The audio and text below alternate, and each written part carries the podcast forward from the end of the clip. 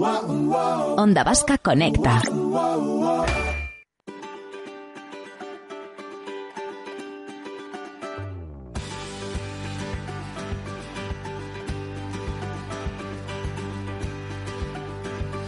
Son las 11 y 23 minutos de la mañana, un año después de la aparición en nuestras vidas del COVID. Siguen sufriéndose los efectos del coronavirus. Eh, el 10% de los pacientes con COVID tiene síntomas persistentes tres meses después. Así que este síndrome caracterizado por eh, síntomas de la COVID que persisten meses tras la infección inicial o la aparición de los mismos tras un periodo sin ellos que se denomina COVID persistente o long COVID afecta, como decimos, al 10% de los pacientes. Y vamos a saludar a esta hora de la mañana a Isabel Delgado, que es una de las portavoces de Long COVID, COVID persistente Euskal Herria. Isabel, ¿qué tal? Egunon, buenos días. Eh, cuéntanos, eh, eh, ¿Sigues teniendo síntomas de Sí, claro, COVID? sí, sí, tengo bastantes síntomas. Igual el que sea más visible pues, o más sonoro, digamos, es la tos, pero sí, eh, yo como un montón de personas seguimos teniendo muchísimos síntomas desde el principio, que yo, por ejemplo, soy del 11 de marzo, siempre señalamos un día, sobre todo para marcar y enfatizar que somos personas de la primera ola, que entonces no hubo además pruebas, que pasamos el tiempo en casa intentando curarnos porque todo estaba muy desmadrado y quizás no éramos personas que requeríamos esa hospitalización urgente que llevaba a intubarnos, pero que no quita para que, que mm, tendríamos necesidad de otra atención también al menos pero no se podía dar en esos momentos y tampoco había pues las pruebas de PCR para marcar en ese momento si teníamos carga viral o no que todas las personas por supuesto que enfermamos y con el paso del tiempo pues la teníamos pero no se vio en ese momento. Entonces como digo lo hemos pasado en casa y seguimos arrastrando, pues desde el 11 de marzo yo y como yo muchas personas, hasta ya un año y unos días, como es el caso, porque estamos a día 17. ¿Y qué, síntomas, qué síntomas mantienes al, al, margen de la tos, que parece que evidente que... Sí, la faringitis es, es, es, continua, pero por ejemplo recientemente me han visto que tengo la tiroides bastante mal y que puede ser además uno de los sitios donde se aloja el virus, porque claro, tenemos una persistencia del virus, no conseguimos eliminarlo y necesitamos por eso la investigación que nos lleve a averiguar eh, por qué tenemos síntomas que son generales, es decir, nos duelen varias cosas. Tenemos la yo, por ejemplo, tengo todas las tardes febrícula. Eso no es normal. Alguna sube a fiebre, como por ejemplo hace semana y media, que por eso vieron que tenía la tiroides mal y que me daba 39 de fiebre, pero si no, normalmente tengo febrícula todas las tardes, cefaleas todos los días, los dolores musculares, el cansancio extremo es general, ese lo tenemos también todas las personas, problemas digestivos, diarreas, eh, disfagia, por ejemplo, que es la dificultad para te queda la comida como un poco estancada y te cuesta tragar. Entonces son un montón de síntomas.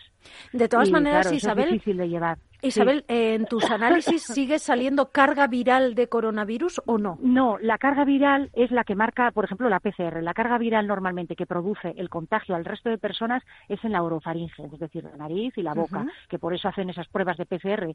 Eso se hace siempre en el momento de, probablemente la carga viral salga cinco o cuatro días antes de que empieces a notar los síntomas, con lo cual, en nuestro caso, sabemos que mantenemos el virus, no tenemos certeza de decir si somos contagiosos o no, pero realmente no nos sube la carga a vías altas. Entonces no podemos contagiar. Sin embargo, sí nos viene mal recibir carga viral de otras personas. Entonces, lo que nos hace mantener a nosotros la enfermedad es que probablemente el virus permanezca en algún reservorio del cuerpo y por eso pedimos tanto la investigación. Por eso la, reclamamos tanto. Claro. El perfil eh, parece ser que es el de mujer, 43 años, sin patologías previas. Eso es. Perfil mayoritario, ¿no? De los, eh, el perfil mayoritario somos un 80% de mujeres, no quiere decir que no haya hombres afectados porque los hay, pero sí que es verdad que el 80% somos mujeres y jóvenes. Han señalado desde la SEM, que es la Sociedad mm, General de Médicos de Familia y que nos ayuda muchísimo desde el principio, que está codo con codo con nosotros luchando y que ha, hecho que consigamos también entre ambos pues esos adelantos y que, se, que un poco se hable ya de la enfermedad desde el 15 de enero, que está en el Ministerio de Sanidad.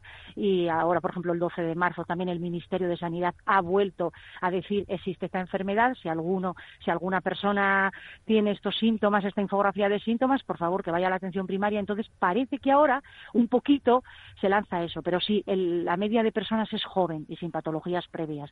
Es decir, personas entre 35 y 55, y señalan una mitad, que es los 43 años, para que se vea que, bueno, que somos personas sanas, que activas, que hacíamos un montón de cosas y que ahora no podemos hacerlas igual. ¿Y cuántas personas tienen COVID persistente en Euskadi, Isabel? Bueno, pues no podríamos saber, porque es otra de las cosas que también un poco reclamamos, ese recuento de las personas que estamos así. Es que ni siquiera hay un CIE de la enfermedad, por eso nos vemos como nos vemos. No hay un recuento, nosotros pensamos que en la plataforma de Euskal Herria que tenemos unas 200 personas, pero sabemos que tiene que haber más. Una cosa es que no hayan contactado con nosotros, pero seguro que tiene que haber más. Y claro, no hay un recuento, ni y lo que os he dicho es que ni siquiera hay un cierre real de la enfermedad, con lo cual es muy difícil abarcar todo esto y es por lo que seguimos luchando.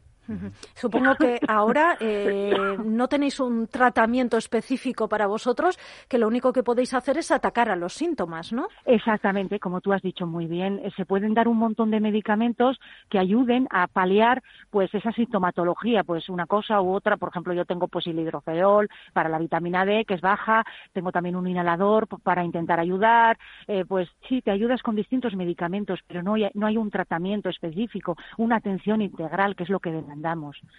Y que, toda la información llegue, porque claro, está como sesgada, es decir, se sabe que existe, hay un reconocimiento, pero luego no, no llega a todas partes. No hay una unificación de criterios y unas sinergias para que al final pues se vaya al problema directamente.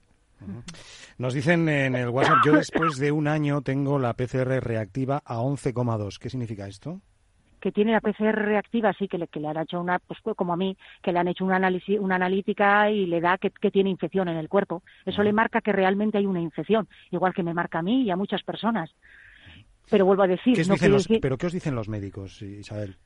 Pues los médicos también están un poco, algunos, mm, quiero decir, es que depende, muchas veces pensamos, es suerte, según con el médico que trates. Hay algunos médicos que saben ya y que creen en la persistencia del virus y dicen, jo, tantas personas tienen una sintomatología igualitaria, es por algo. Pero luego otros médicos, por ejemplo, siguen sin, sin saber muy bien y, de, y algunas personas pues les tratan todavía como que puede ser ansiedad, que somatizan, todas estas cosas de las que se habla. ¿Por qué? Porque además tenemos, un, claro, como en la primera ola no se hicieron las pruebas a tiempo, las PCRs, pues hay algunas personas que tienen resultados negativos en esas diagnósticas. Otras, pues no. Por ejemplo, yo tengo una serología porque fui muy mal al hospital y tuve esa fortuna de que pudieron hacerme una serología y ya comprobaron que tenía la infección por COVID. Pero muchas personas ni siquiera tienen esa prueba. Y os aseguro, os doy mi palabra de honor, que todas las personas estamos exactamente igual. Tengan la prueba diagnóstica positiva o la tengan negativa. Todas estamos de la misma forma y somos muchísimas personas.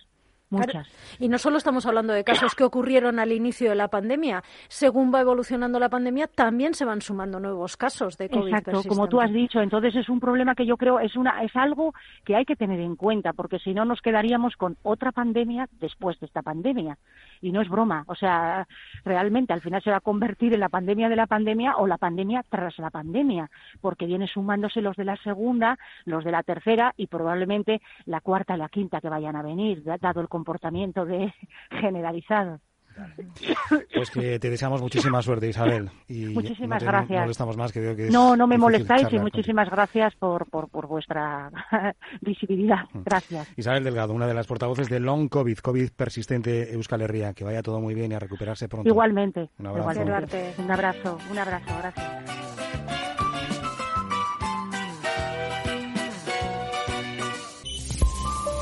Onda Vasca Conecta.